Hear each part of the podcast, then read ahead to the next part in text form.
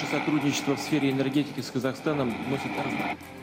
la longueur du dialogue que je viens d'avoir avec M. Poutine.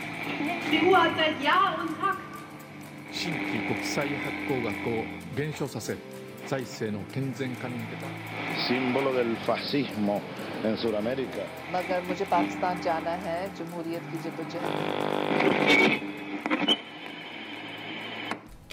Stadig oftere hører vi historier om mennesker som blir utsatt for voldtekt. Kvinner, menn og barn. Alle grupper, alle aldre, begge kjønn. Både i Norge og internasjonalt er dette her stadig mer rystende problemstilling. I dagens utenriksmagasin MIR skal vi se nærmere på voldtekt som et samfunnsproblem, victim blaming. Voldtekt i eh, India som stadig øker. Vi skal se på bruken av voldtekt i krigføring, og vi skal komme nærmere inn på samfunnsproblematikken med voldtekt. I dagens studio er Håvard Lid og, Sissel Alice Refsdal. Mitt navn er Dani Gangeskar. Jeg skal være programleder i dagens eh, utenriksmagasinet MIR. Nå kommer ukens låt her på studentradioen i eh, Bergen. Det er Rolls Base med 'Inside Out'. Hei, det er Marte fra Jentegarderoben. Du hører på utenriksmagasinet Myr. Stadig oftere utover dette året har vi fått høyere om voldtekt. Voldtekt har vært stadig mer fram i media, og det har vært stadig mer fram i lyset. Men Sissel Alice, hvis vi skal se nærmere på den reelle definisjonen av voldtekt, hva er det egentlig som blir sagt der? Ja, FNs definisjon av voldtekt er fravær av oppriktig samtykke. Eh, og samtykke vil altså si at man ved kroppsspråk eh, eller ved ordlyd eh, sier ja eh, til, til eh, seksuell samleie eller ja, omgang. Mm. Men, men, men er det her en, en, en, en anerkjent eh, tolkning av hva voldtekt er? Eh, dessverre nei. det er F.eks. Norge har jo ikke den definisjonen i sin lovtekst, der et nei ikke er, er nok for å kunne definere det som voldtekt. Det er, jo, det er jo interessant å se på de politiske sidene her òg, Håvard. Eh, Hva er det egentlig som, som blir gjort i politikken for å, å, å jobbe mot det som vi ser stadig blir et økende samfunnsproblem? Vi ser først og fremst eh, et fravær fra sterke, tøffe avgjørelser. Eh, Og når du ser på, på lovteksten hvor vag den er, så sier det seg selv at det er vanskelig å lage, altså å håndheve dette. Når du, når du har en lov som er fravær fra samtykke, så er det veldig vanskelig ord mot ord i retten å kunne bevise dette. Det er veldig vanskelig rammer å jobbe innenfor. Vil du si at vi, vi har et, et problem når det gjelder politiske avgjørelser som her har, har felt mot, eh, mot, mot voldtektssaker? Man, man legger jo skylden veldig mye på de som er ute i gatene, som er politiet, da, og de som er synlige aktører, og så velger man heller å, heller å utsette problemet. Fordi det er, det er tøffe, det er vanskelige avgjørelser, og det kan være upopulære avgjørelser. Et uh, ord som stadig kommer mer og mer fram i media, som kanskje bare for et par år siden var et, var et ganske ukjent uttrykk for de aller fleste, Sissel Alice, det er victim blaming. Kan du fort forklare oss, hva er victim blaming for noe? Victim blaming går ut på at man, eh, man ser på offeret som skyld i, i eh, den hendelsen de har blitt utsatt for. Eh, det kan f.eks. være at man går på klesdrakt. Hva hadde du på det? Hvor masse hadde du drukket? Eh, hvorfor gikk du der og der? I stedet for å se på hvorfor eh, folk faktisk begår slike handlinger. Hvorfor folk voldtar i det hele tatt. Er dette noe vi ser stadig mer internasjonalt, Håvard? At det blir stilt mer spørsmål med hvordan vedkommende ser ut, hvordan vedkommende oppfører seg i forhold til om, eh, om eh, de har en sak eller ikke? Det er, det er en veldig absurd måte å, å snakke om voldtekt på, men vi ser det flere steder. Eh, annet i Australia så var det en voldtekt, eh, en som påstod at hun hadde blitt voldtatt, men da ble mannen frifunnet fordi hun hadde for trange bukser. Så det var umulig eh, å gjennomføre den voldtekten. De, de trodde ikke på det. Eh, Så man, man får ha et enormt fokus på hva jentene har på seg, hvor de går, eh, istedenfor å ta det virkelige problemet, som er jo at de som begår voldtekten. Men det er, jo, det er jo viktig å få det internasjonale samfunnet mer eh, på bane i, i lignende saker. Eh, Hvorfor har, har nasjoner som Norge, som, som USA, mer hva du kan si, fritolkende tolkninger av, eh, av voldtekt, eh, Sissel Alice? Ja, det er et godt spørsmål. Eh, kan ligge masse igjen fra historisk sett, måten vi ser på kjønn. Eh, også det at voldtekt har vært noe i alle tider og kanskje blir sett på som noe naturlig. At man da heller velger litt sånn brannslukkingsløsninger. Eh, kanskje tenker man at voldtekt er noe som alltid vil være, og da må man heller eh, sørge for at kvinner eller de som havner i sånne situasjoner, passer på seg sjøl mer, istedenfor å ta det på et samfunnsproblemnivå. da. Tenker du at, at dette her er, er, blitt en av de no, nye, store samfunnsproblematikkene vi står overfor i det moderne samfunnet? Absolutt. Vi ser jo at eh, det er mindre tabuisering av det. Vi snakker mer om det. og Flere saker kommer fram i lyset. Eh, så kanskje har det alltid vært et like stort samfunnsproblem, men vi, har, eh, vi er kanskje bedre rusta i dag til å ta tak i det. Hva tenker du vi må, må gjøre for å få et internasjonalt samfunn mer på bane i disse spørsmålene? her? Tror holdningsendring, eh, gå tidlig inn, snakke om det, ha åpenhet i samfunnet rundt det.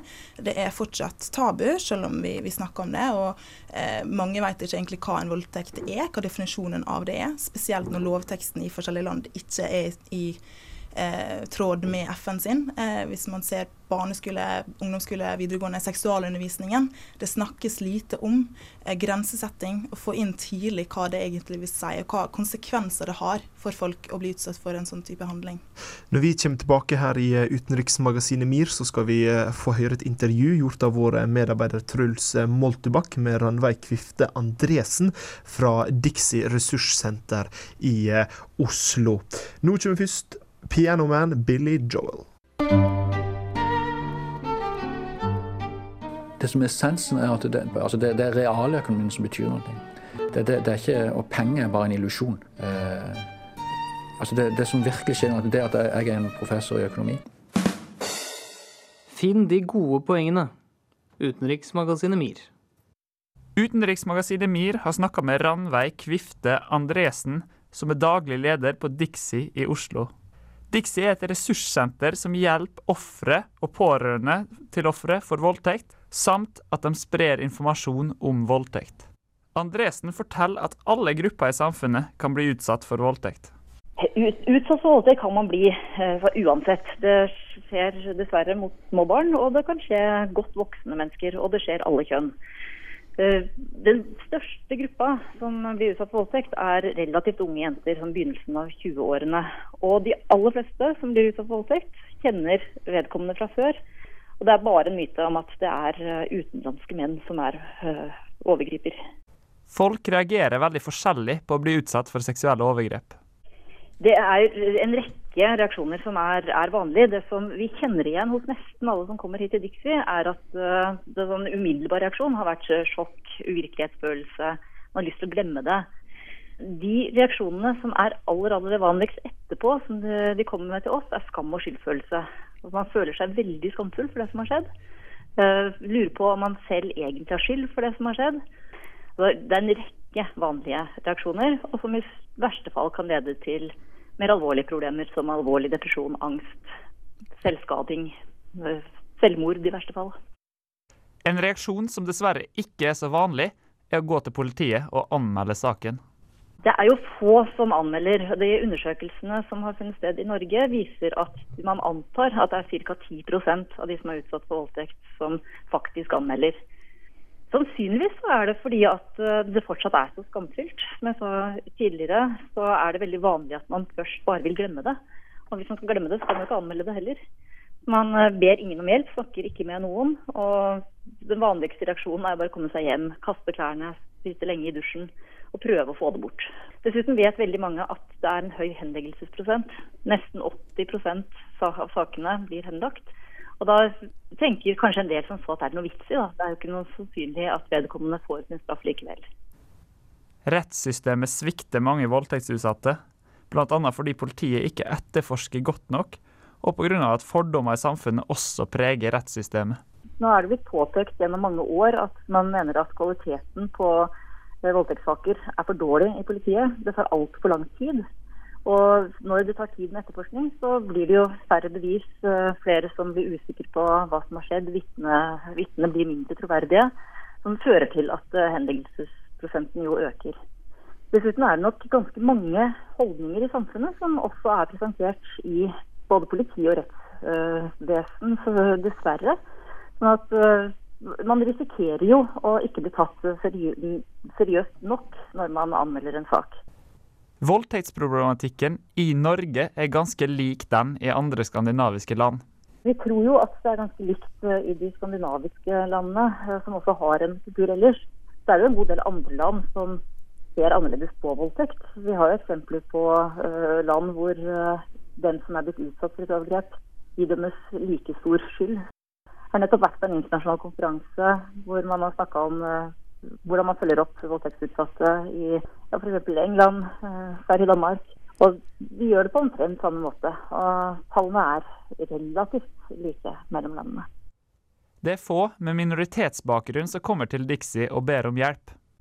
Nei, er, de er eh, sterkt underrepresentert. Så det er ulike grunner til det. Noe kan være at det i en del kulturer er enda mer tabubelagt. og at eh, vi tross alt har kommet et stykke på vei i Norge sammenlignet med en del ikke-vestlige land, i hvert fall.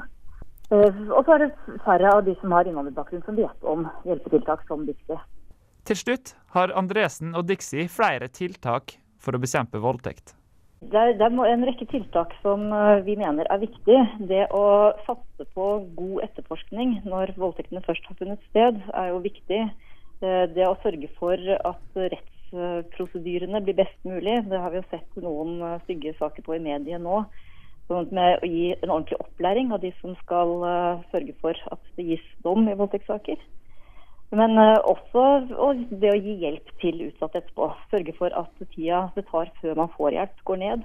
Sørge for gratis psykologhjelp tror vi er viktig. Men også da forebyggende, for å hindre at så mange voldtekter finner sted. Mitt navn er Jørgen. Jeg kommer fra Banalpolitikk. Og du hører på utenriksmagasinet MIR. Det er helt korrekt. Du lytter til eh, utenriksmagasinet MIR. Vi skal i dag prate om eh, voldtekt som et samfunnsproblem, og voldtekt som et middel benytta i diverse situasjoner, eh, dessverre. I studio i dag er det meg, Daniel. Sammen med meg så har jeg Håvard og Sissel Alice. Vi skal bevege oss eh, litt videre. Vi skal til India, eh, hvor voldtekt har stadig kommet opp eh, som et større og større problem for det indiske folk og for det indiske samfunn. Sissel Alice, kan du gi oss en, en kort bakgrunn her? fra India. Ja. Eh, vi ser jo at det er et økende problem med voldtekt i India. Eh, kvinnesynet der er er ganske forferdelig hvis man ser i forhold til mange andre land. er rangert som eh, det fjerde farligste landet å være i for kvinner. da. Mm. Tallene jeg har foran meg, viser jo to voldtekter per 100 000 innbyggere. Dette er tall som kommer fra den indiske regjeringa. Dette er jo mm. tall som ikke virker så, så, forferdelig gale, da, om vi skal si det på den måten. Det er alltid gale når det blir utført en voldtekt, men, men det, det, er et lavere tall enn hva man kanskje kunne forvente. Til dømes Sverige har vel 66,5 eller 66,7 per 100 000. Eh, men, men, men du, du stiller tvilende til, til eh, det tallet? Absolutt. Eh, for det første er det masse mørketall. Eh, fordi det er fortsatt veldig skam, skambelagt i India å bli utsatt for en voldtekt. Eh, Pga. ære og også kvinnesynet de har mange plasser. Amnesty har gjort en undersøkelse som viser at det, blir voldtatt kvinner blir voldtatt hvert 15. minutt. Så det er ganske stor forskjell på hva regjeringa eller myndighetene i India gir uttrykk for, og hva som, som eventuelt kommer fram som andre tall fra internasjonale organisasjoner sine undersøkelser. Det er jo ganske horribelt, Håvard, når, når tallene som blir presentert av regjeringa er, er, mindre enn det som organisasjoner som Amnesty til dømes presenterer i, i voldtektsstatistikken. Absolutt, og det er ikke sikkert at de med vilje har jukset med tall for å se bedre ut, men at det er, som Sissel sier, at det er enorme mørketall. Og man, det, det vitner om det tabu som er rundt voldtekt i India. Og at det, det ligger skam eh, rundt å rapportere det. Og at ikke bare for deg selv, men også for hele familien. Men mange her eh, vil jo, vil jo trekke fram kastesystemet, gjerne som en del av, av problematikken til hvorfor voldtekt i, i, India er så tabubelagt. Er, er du enig i, i den vurderinga? Jeg tror både kvinnesyn og kastesystemet er viktige faktorer der.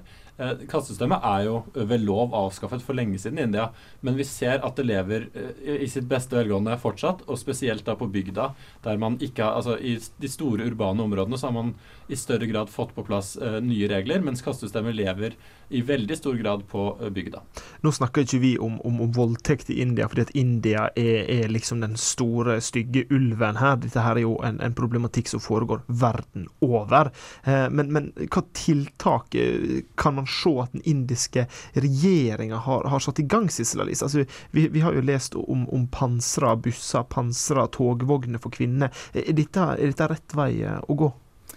Jeg tror nok absolutt det er en slags brannslukningsmåte for India å, å, sikre kvinnene, men samtidig så viser det en holdning om at Eh, det er en naturlig ting, eh, som jeg snakka om tidligere. Og at det, det, er kvinnene som må beskyttes, heller enn at man skal ha en slags holdningsendring på strukturnivå. Man ser også det i forhold til politiet, som eh, ofte snur ryggen til, eh, har valgt å ikke ta imot anmeldelser. Eh, mange ganger tilfellet, tilfellet tidligere. Eh, og jeg tror nok det er et holdningsendring som må til for å få bukt med samfunnsproblematikken. Dette er jo verdens nest mest folkerike land, og det sier seg selv at det går ikke an å kjønnssegregere hele befolkningen. Du kan ikke holde kvinner og menn atskilt, sånn at man ikke skal voldta. Eh, så det, det, det, virker som symbolpolitikk. Det, man skal vise at man gjør noe, men man skjønner at dette er jo ikke måten å løse problematikken på. Når vi kommer tilbake, så skal vi gå mer inn på eh, tabuene som ligger rundt eh, voldtekt, og ikke minst tabuene som ligger rundt menn som blir voldtatt. Nå får dere Howlin' Sun, Jupiter, her på Studentradioen i Bergen. For instance, there are prejudices about the age at which people can begin a new career. I will not make age an issue of this campaign. I am not going to exploit for political purposes my opponent's youth and inexperience. Det er aldri for sent å lære noe nytt. Utenriksmagasinet MIR hører du mellom 11 og 12 hver fredag på Studentradioen i Bergen.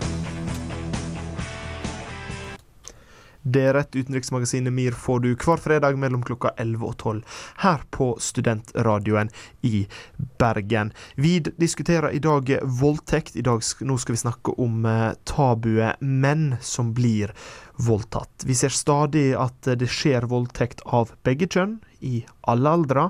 Likevel er voldtektsraten lav for kvinner til å anmelde, men enda lavere for menn. Hvorfor er det på den måten, Sissel Alice?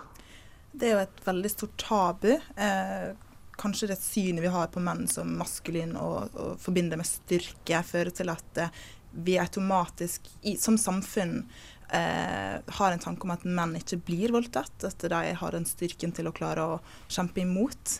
Mm. Håvard, hva, hva, tenker du på området her? Er, er, er det et uh, rettmessig tabu at uh, menn ikke skal bli voldtatt i, i hermetegn? Det er nok den maskuline tankegangen, at man tenker selvfølgelig en voldtekt er en sterk mann eh, voldtatt en svak kvinne, men hvordan kan en mann bli voldtatt? At det er et større tabu rundt det. Og jeg tror at man ligger der man var med voldtekt av kvinner for mange år siden. At man ligger bak Eh, og at, man, eh, at, det er et enormt skambelagt tema for en mann å, å innrømme da, å gå ut og si at jeg har blitt voldtatt. Vil du si at det er litt den her eh, alfahann-rolla som kanskje blir utfordra, altså lederen av flokken, eh, som hvis en mann blir utsatt for voldtekt, så er ikke den mannen lenger eh, primitivt sett verdig til å lede sin familie, eller hvordan vi enn skal, skal forklare dette her. Er, er det den primitive tankegangen som fortsatt ligger i hodet på oss? Det kan det være, men, men, det er det bruddet på maskulinitet. Da. Du er ikke maskulin nok. Du har på en måte eh, latt deg herse med av en annen mann. Jeg tror det er det som, som gjør det så skambelagt.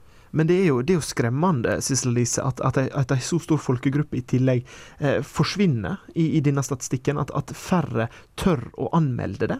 Hva, hva, hva, hva kan gjøres? tror nok absolutt det å kunne snakke om det, bryte med tabuet, eh, åpne opp for at det her er en realitet. Eh, det blir skjøvet litt under teppet i, i veldig, veldig mange land. Eh, og få bort skammen, rett og slett. Men, men er, det, er, det, er, er, det, samfunnet som her har feila? Er det samfunnet som har gjort at, at man i dag ikke kan prate om, om menn som blir voldtatt? Jeg tror absolutt at det på strukturelt plan må gjøres en endring. Eh, at det, det, må tas opp, eh, defineres som eh, Eller normaliseres, kanskje heller. At det blir sett på som noe som skjer, slik at man kan kjenne seg igjen da, hvis man har blitt utsatt som man får en voldtekt. Vil du, eh, vil du si, Håvard, at, at, voldtekt kanskje blir brukt mer som et, et maktmiddel eh, mellom menn? Det er noe vi ser i, eh, spesielt i krigføring. At man eh, ikke nødvendigvis eh, har homofile preferanser, men man bruker det for å herse med andre menn for å vise at man er over andre. Man bruker det som en straff på f.eks. krigsfanger. Vi skal jo komme litt tilbake til, til det med voldtekt i krigføring. Eh, men Sissel, du hadde jo litt tall her fra England som gjelder mannlig voldtekt. Hva er det de kan fortelle oss? Vi ser jo at er i underkant av 4 jeg tror det er 3,9, eh, anmelder av de som har blitt utsatt for voldtekt. Det er jo veldig, veldig lave tall. Eh, I tillegg så er det ja, én av ti voldtekter som blir utført. Eh, der er det en mann som blir voldtatt. Så det er jo eh, Man kan jo si at det skjer i stor grad. Eh, samtidig så er det veldig få som velger å anmelde det. Ja, altså, Tallene viser jo at, at, det er sjeldnere at en mann blir voldtatt enn en kvinne. Men hvorfor skal vi ha et, et samfunn, et internasjonalt samfunn hvor det er, er, mer vanlig, kan man si det sånn, å prate om kvinner som blir voldtatt, avstraffninger som bør komme etter det? Er, er, det den veien verdenssamfunnet i dag er på vei til å gå? At det, det er tabu å snakke om menn som blir voldtatt, men det er på sin plass å prate om kvinner som blir voldtatt? Jeg tror nok det makthierarkiet kvinne-mann har vært i så mange århundrer at det er en mer naturlig ting for mennesker å snakke om. Eh, samtidig så, så, ser vi jo framgang i, i det at vi, vi, får bort eh, tabu i større grad enn før. Vi har lang vei å gå, absolutt. Eh, men i større grad snakker vi om kjønn og seksualitet på en helt annen måte enn tidligere. Nå kommer a-ha, The Sun Always Shines On TV, her på Studentradioen i Bergen. Så du kan mye om norsk politikk? Hva med Saudi-Arabia? Hva med UAE? Hva med Kuwait? Hva med eh, hele Latin-Amerika? Hva med hele Sør-Amerika? Hva med hele Asia? Hva med Japan? Hva med Kina? Hva med Russland? Hør på utenriksmagasinet MIR, og få med deg hva som skjer i resten av verden også.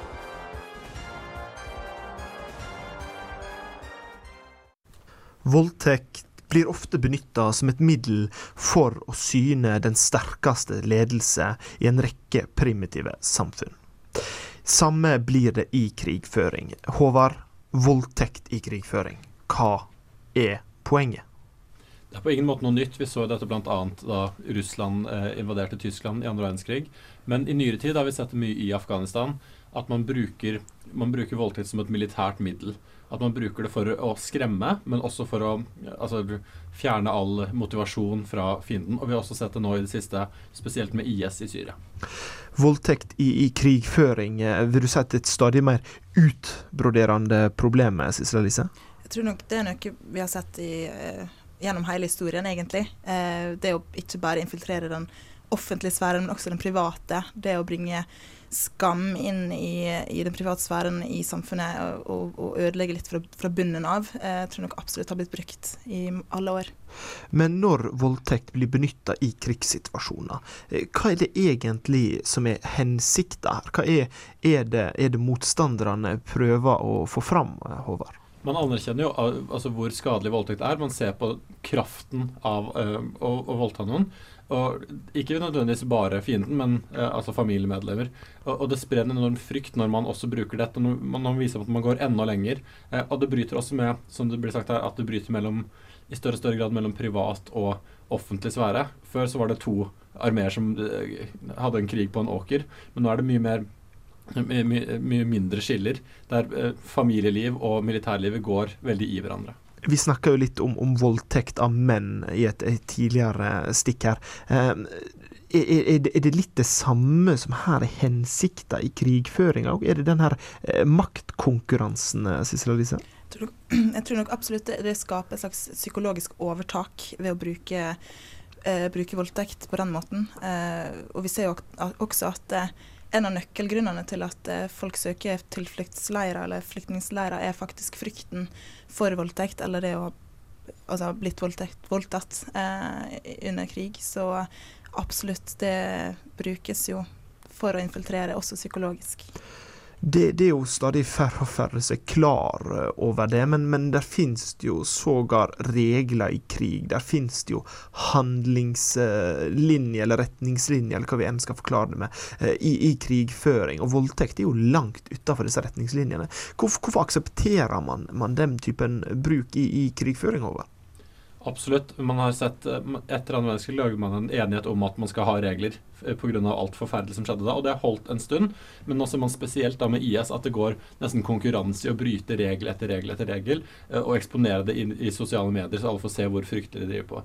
Det helt avgjørende her er jo når når konflikten i Syria er over, at dette blir straffet. At man, man anerkjenner at det er krigsforbrytelser, og at man straffer alle involverte. At man ikke bare skal eh, glemme, altså forgive and forget, men at man, man viser at dette er regler man har lyst å overholde også i senere år. Men hva kan man gjøre? Hva, hva kan være veien å gå videre for å få ned Altså, en krigshandling er jo grusom i seg sjøl, om man ikke skal begynne med voldtekt av, av, av motstandere, av kvinner, av menn, av barn, av eldre.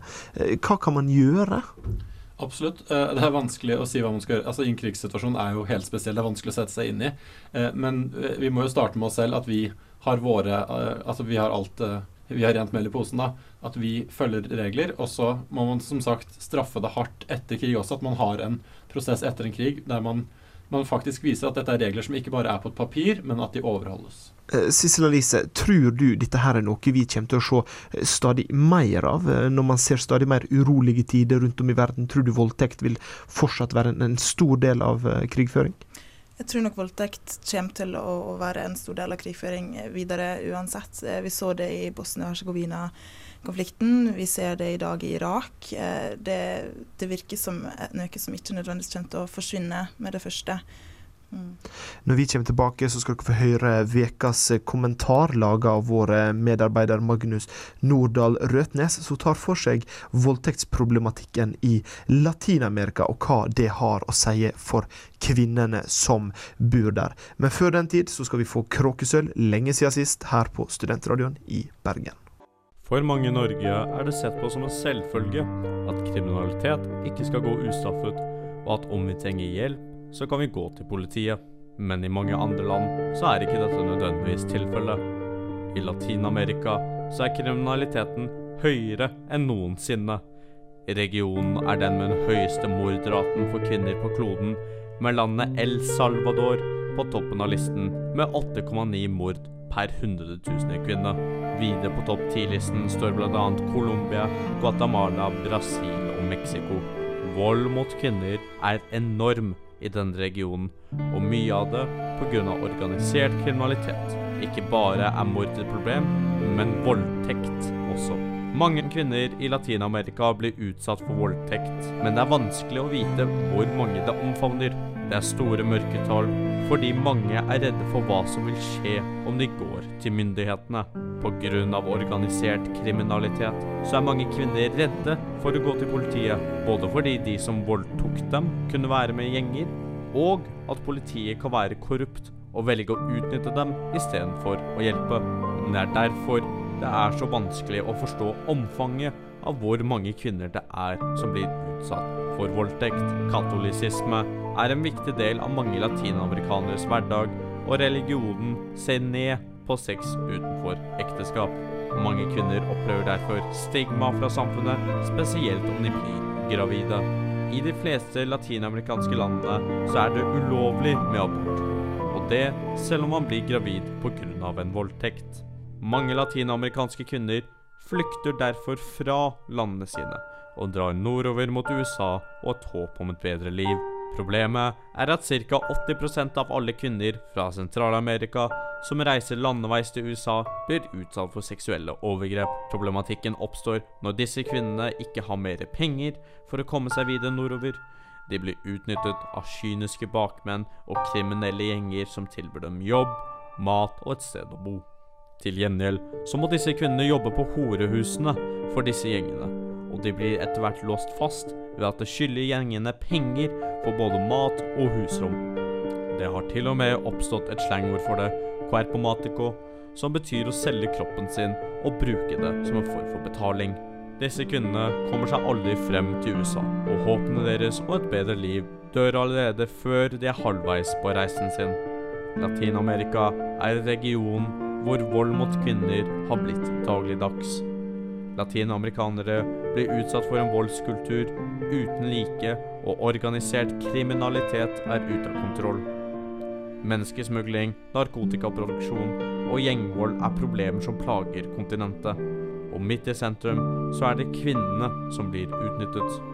Vi kan bare krysse fingrene våre og håpe at i framtiden så vil situasjonen på kontinentet bli bedre, for nå er det vanskelig å forestille seg at den kan bli noe særlig verre. Mir var en sovjetisk romstasjon som i utgangspunktet var bygget for å vare tre år. Den varte til sammen 16. Som sin navnebror strekker utenriksmagasinet Mir seg ekstra langt for å gi deg det beste utenriksstoffet. Mitt navn er Jørgen, og mens du sitter der og koser deg med det beste utenriksstoffet studentradioen har å tilby, sitter jeg i produsentboden og prøver å finne ut hva i all verden jeg skal gjøre med livet mitt. Det stemmer. Du lytter nå på det beste utenriksstoffet studentradioen i Bergen har å by på her i utenriksmagasinet MIR. Vi har dessverre kommet til veis ende i dag, og Håvard, hva er det vi i dag har debattert? I dag har vi snakket om eh, hvordan FN og Norge definerer voldtekt. Vi har snakket om victim blaming, blaming og vi har også sett på voldtektssituasjonen i India. Eh, Vi har også snakket om voldtekt av menn og tabuet som følger, eh, hvor f.eks. bare 4% av menn i England eh, anmelder. Så vi snakker om voldtekt som eh, eh, krigføring eh, og eh, infiltrering av både privat og offentlig sfære. I tillegg fikk vi et intervju laga av vår medarbeider Truls Moltubakk, der han intervjua Ranveig Kifte Andresen fra Dixie ressurssenter i Oslo. Da er det bare for oss å få takke så mye til Ranveig Kifte Andresen, som kunne stille på intervju, vår medarbeider Truls Moltebakk, som lagde intervjuet, ukas kommentar, som ble laga av vår medarbeider Magnus Nordahl Røtnes. Husk at dere kan finne oss på sosiale medium. Vi er på Twitter, Facebook og Instagram, og vi vil gjerne høre fra dere lyttere hva dere ønsker vi skal ta opp i våre sendinger. Dere kan finne podkastene våre på iTunes og srib.no, der dere kan høre opp igjen Venezuela, Island, moderne krigføring, voldtekt, mange spennende saker som går bakover. Så vi får takke Håvard Lid og Sissel Alice Refsdal for at dere kom i studio. Tusen hjertelig takk til vår produsent Jørgen Berner Wilhelmsen. Mitt navn er Daniel Gangeskar. Jeg ønsker dere alle sammen ei riktig god helg. Etter oss kommer Pluto Pop her på kanalen. Ha det godt.